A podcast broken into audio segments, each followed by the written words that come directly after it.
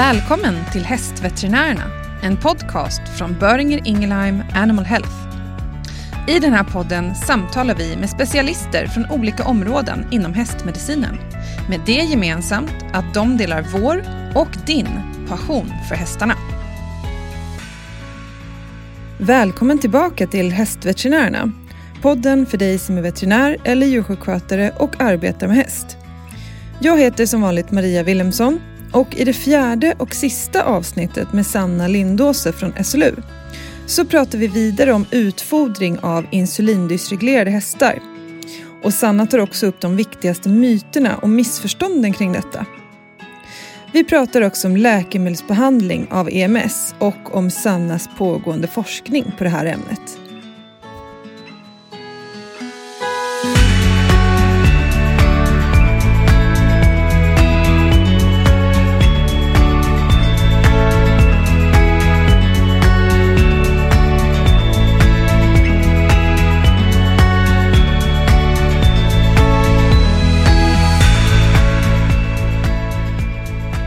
So we've been talking about the feeding, and I'm I'm aware of that. This is something that many veterinarians feel a little bit insecure around. That they maybe they don't feel that they have all this knowledge that they should have, or that they think they should have, uh, even if it's not their their main. Um, main expertise but uh, there are on the other hand also many owners that will come to the vet for feeding advice, for actual nutritional advice. And there are a lot of myths and misconceptions and uh, uh, old stable truths going on also with the feeding.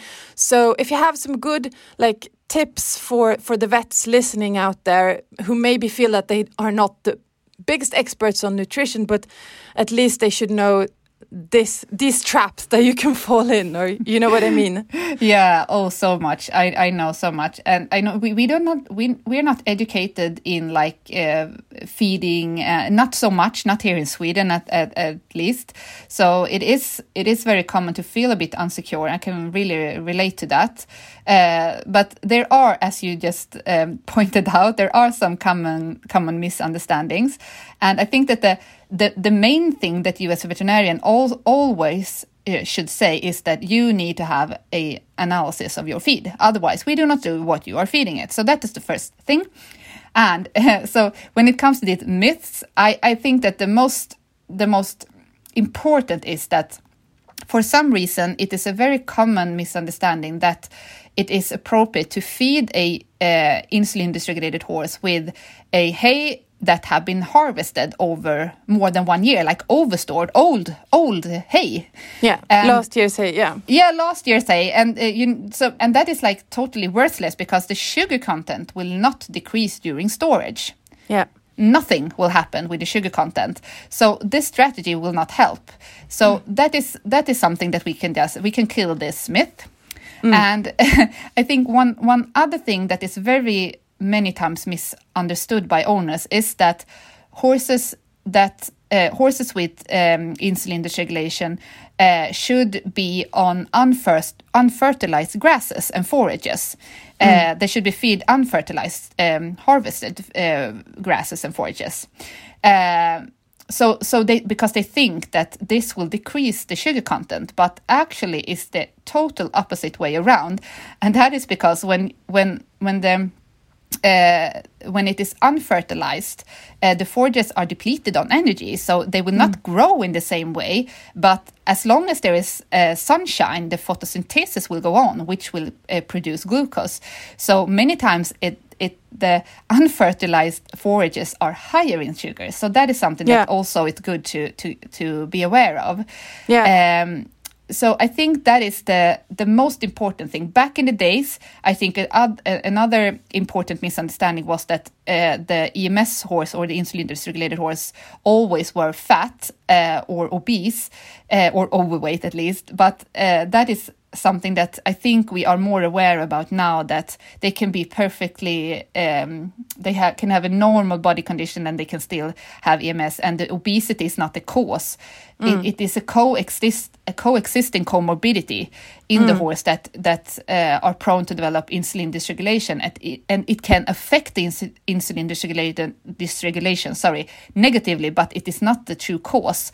So Mm. that is also one thing that have back in the days been a, a big uh, common misunderstanding, I would say. But I think these are the most important. So Mm. if you know this about feeding, you come very far as a clinician, I would say.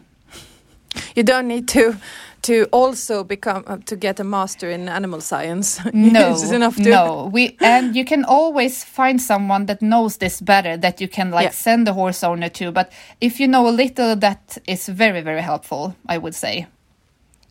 I guess the same. The the many owners ask about the same questions as well. So yes, definitely. Yeah. when it comes to the risk of uh, laminitis for these horses who are insulin dysregulated and for the horses with PPID, uh, we've been, I mean, we've only been touching the obesity part and we're not going to have really time to dig in more to that. But when it comes to the actual risk of laminitis, uh, when it comes to management, is it uh, what is the most important factor? Is it the weight loss that the obese horse drops its weight, or uh, the sugar content of the hay, or what would you say is the most important management factor? Uh, yeah, difficult, but uh, I would say that okay, we now talk about ID horses and PPID horses with uh, ID. So, Yeah. so not the PPID horses without insulin dysregulation. So, Yeah. just to make that clear. So, and you you um, you mentioned different uh, factors here. We we talk about weight loss. Yes, that is important if you have a obese horse because insulin sensitivity will be uh, better if you decrease your weight. Yeah. So yes, you should you should induce weight loss if you have a obese horse. That is important. The sugar content in the feed we have talked a lot about. So yes, that is important, uh, and that goes like hand in hand with posture turnout or not, and so forth. We have been to, into that a bit. Um, uh, hoof trimming, yes, hoof trimming is extremely important if you have a laminitic uh, patient. So you need to take care of all of these factors. So I, I don't think I can say that this or this is more important than than one other. So you need to do everything. That's Yeah. the bad thing. You need to do everything and be aware be aware of that the degree of insulin resistance or insulin dysregulation is the far most important factor that will affect the postprandial insulin response. Yeah. So yeah, we need to work on everything, and uh, so and again, uh, we we have to come into that later. But the ones that cannot be managed may be candidates for uh, pharmacological treatments in in the future. That's a segue into our next topic then. Yeah. Is there any are there any chances? Uh, what do we have on the horizon? Because there are some options, uh, some human drugs that can be used with um, maybe not that high success rate or or Yeah. maybe not the best options. But uh, what what do we see here on the on the medicine yeah, but side? we can elaborate. Yeah, we can elaborate on that because uh, that is one. We, we are in the middle of one one pharmacological study uh, right now, so I think this is very exciting. And as you as you uh, mentioned here, we have been we have tried to to treat horses. I mean, we have we have been struggling with uh, the need of a pharmacological treatment for these horses for for um, years and years. So we have there are many studies, or at least a few studies that have investigated different human anti-diabetic drugs. Uh, one of them is metformin. I think many of uh, our colleagues uh, out there have heard about, about metformin and maybe also use this use this as a off-label treatment uh, for insulin dysregulation. And um, I think uh, metformin. Um, there are clinicians um, that I think have a positive treatment effect, but when when we when we look at what is uh, clinically no sorry uh, scientifically uh, the evidence here uh, they are very few. And um, we know from from studies that metformin has a very low uh, oral bioavailability in horses. So the most of it goes out with the poo. Uh, and that's like very expensive treatment for nothing. But it has been discussed that maybe it has a local effect on the glucose uptake in the intestines that can actually decrease the um, plasma concentration of glucose. So uh, it it uh, yeah we have been going a bit up and down with this drug, but actually. Uh, recently, I think it was in uh, during ACVIM meeting uh, the last year, uh, there was actually an abstract published where um, horses with ID had been treated with metformin, and we also had a, they also had a placebo group, and actually they found no differences in insulin concentrations between these two groups of horses. So uh, I, I think we need to we need to we need to take this into account. I mean, we are so desperate to have a drug that we we take the best that we have. Yeah. But the the the future looks more um, like promising because uh, we we are now working. Oh, sorry. I just have to say quickly. There are also, uh, except for metformin, another human antidiabetic drug that is called pioglitazone that also have been evaluated in in uh, a few uh, I'm not sure here, but at least some uh, um, horse studies. And uh, pioglitazone has been actually shown to be able to decrease the insulin concentrations in affected horses. Maybe not a very pronounced response, uh, but still. Uh, but uh, there is not so much what I know, from what I know at least, um, research going on using pioglitazone. And from our Scandinavian point of view, the drug is extremely expensive, so it's not it's not even possible to treat a horse with that drug. Not an option, And if no. we were to, we need more evidence, Yeah. I would say. Uh, but uh, the next next thing is the SGLT2 inhibitors. So SGLT2 inhibitor is impossible to say, and the the, the whole name is uh, sodium glucose co-transporter 2 inhibitors.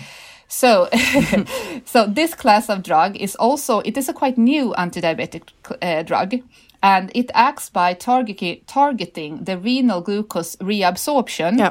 So this leads to excretion of glucose through urine, and this in terms lead to a decrease in plasma glucose concentrations. And uh, it is a drug that is added uh, to um, human patients that are treated with metformin, pioglitazone, and other as a complementary treatment. Yeah. Uh, and it has been um, investigated in um, a few, uh, maybe more than a few, I would say now, studies also in horses. And we are in a very, very uh, interesting part here because I think all of us working with SGLT2 inhibitors have had quite striking results when it comes to decrease the degree of uh, hyperinsulinemia in these horses. So the theory is here that if you reduce the uh, degree of, uh, if you lower the plasma glucose, this will decrease the stimulation of the beta cells to Yeah. secrete insulin. Yeah. So you will also lower the postprandial insulin concentrations. And we have had very, very good results, not only our research group, but other research group in, in different parts of the world.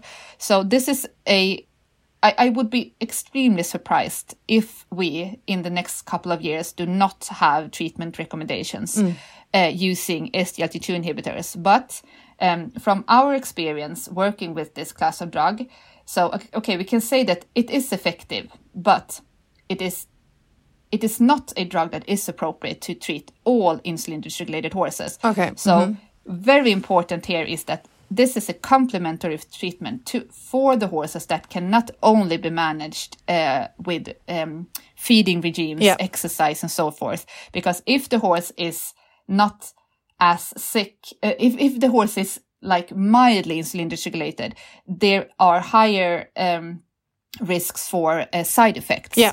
And so, so it is not a drug that you just treat the horse with and then you say bye bye, uh, have a nice uh, Mm. Go to time. and so pasture. Ne- yeah, go to pasture and yeah, we'll see you in a, a couple of years or so. No, that doesn't work.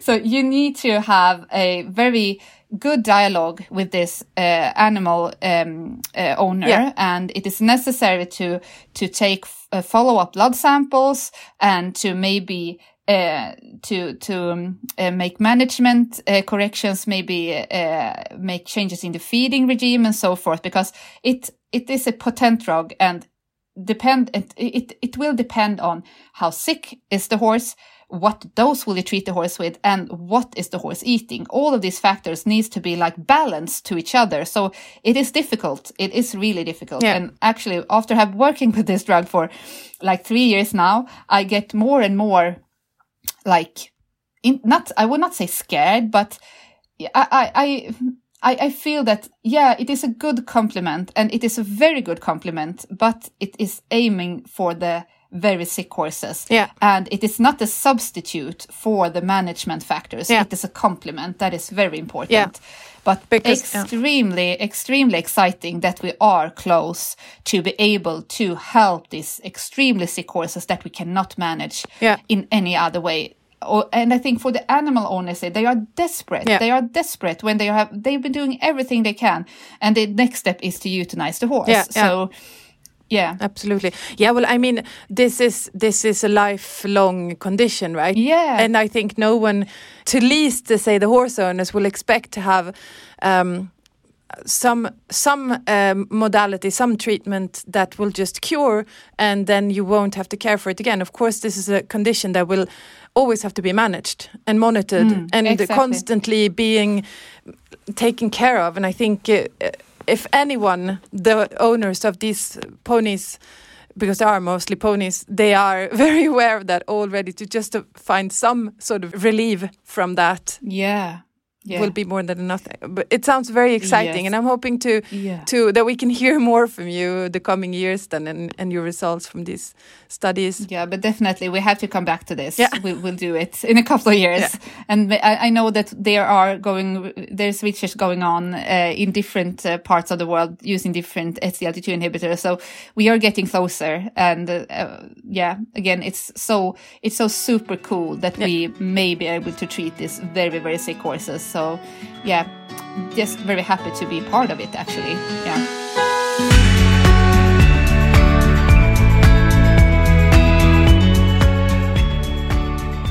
So we're closing in on, uh, we've been talking quite a while, but it's very interesting, and I hope that our listeners also think that. Um, I certainly do, and I think that we could go on and on.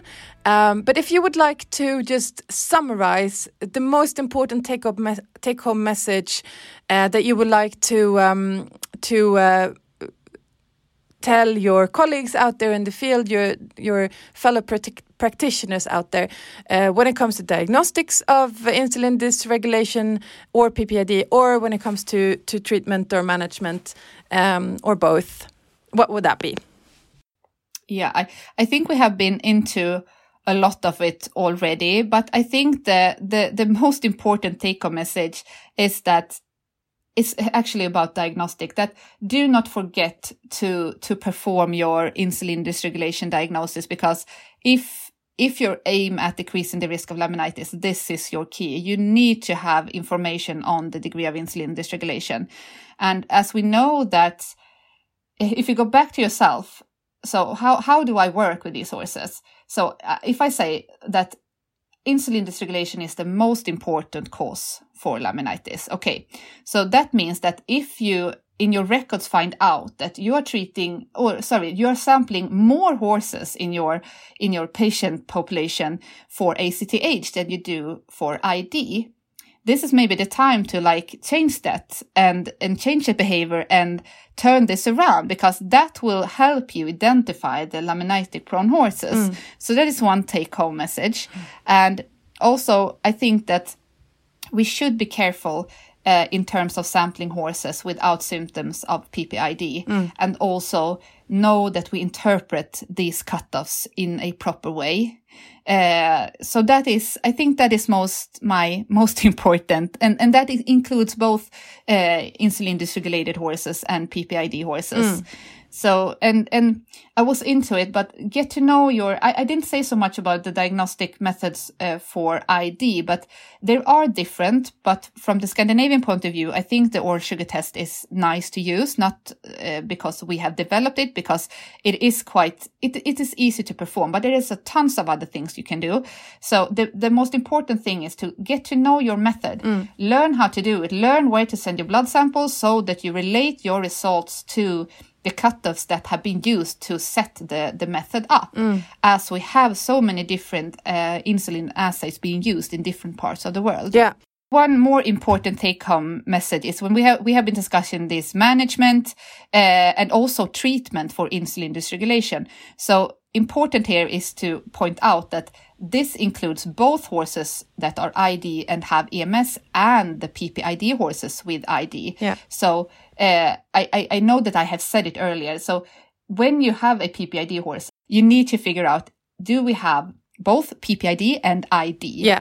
Uh, so we can treat these two uh, like Accordingly, states yeah. Mm. separately. Yeah. accordingly. That is a better better way to describe it. So everything counts for for both, but as yeah, as long as the horse is insulin dysregulated. Yeah. yeah, And that is sort of what determines how cautious you have to be around the feed and how with the uh, sugar Yeah. content and the pasture and everything. That's sort of it's Yeah, determined by the uh, insulin dysregulation and not the Yeah. PPID or not PPID. Exactly. If you if you know that you come so far with these patients, if you take if you take care of both, then you can you, you do a lot of good actually.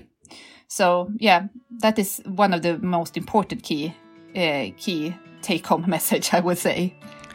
Thank you so much, Sanna, for sharing all this super interesting, super exciting knowledge with us today. It's been a real pleasure talking to you. Uh, the same. It's one so uh, it's so exciting to be able to just talk about this with someone who is interested. so I hope that the listeners also will have some more knowledge after listening to this pod. I hope so at least. I am sure. I'm positive about that. Thank you so much. Thank you so much. See you. Bye. Tack för att du lyssnar på Hästveterinärerna. Om du gillar det du hör, glöm inte att trycka prenumerera i din podcastapp så att du inte missar några avsnitt. Berätta också gärna om vad du tycker genom att ge en recension. Vi tar gärna emot tips på kommande gäster och ämnen och våra kontaktuppgifter finns i poddens beskrivning.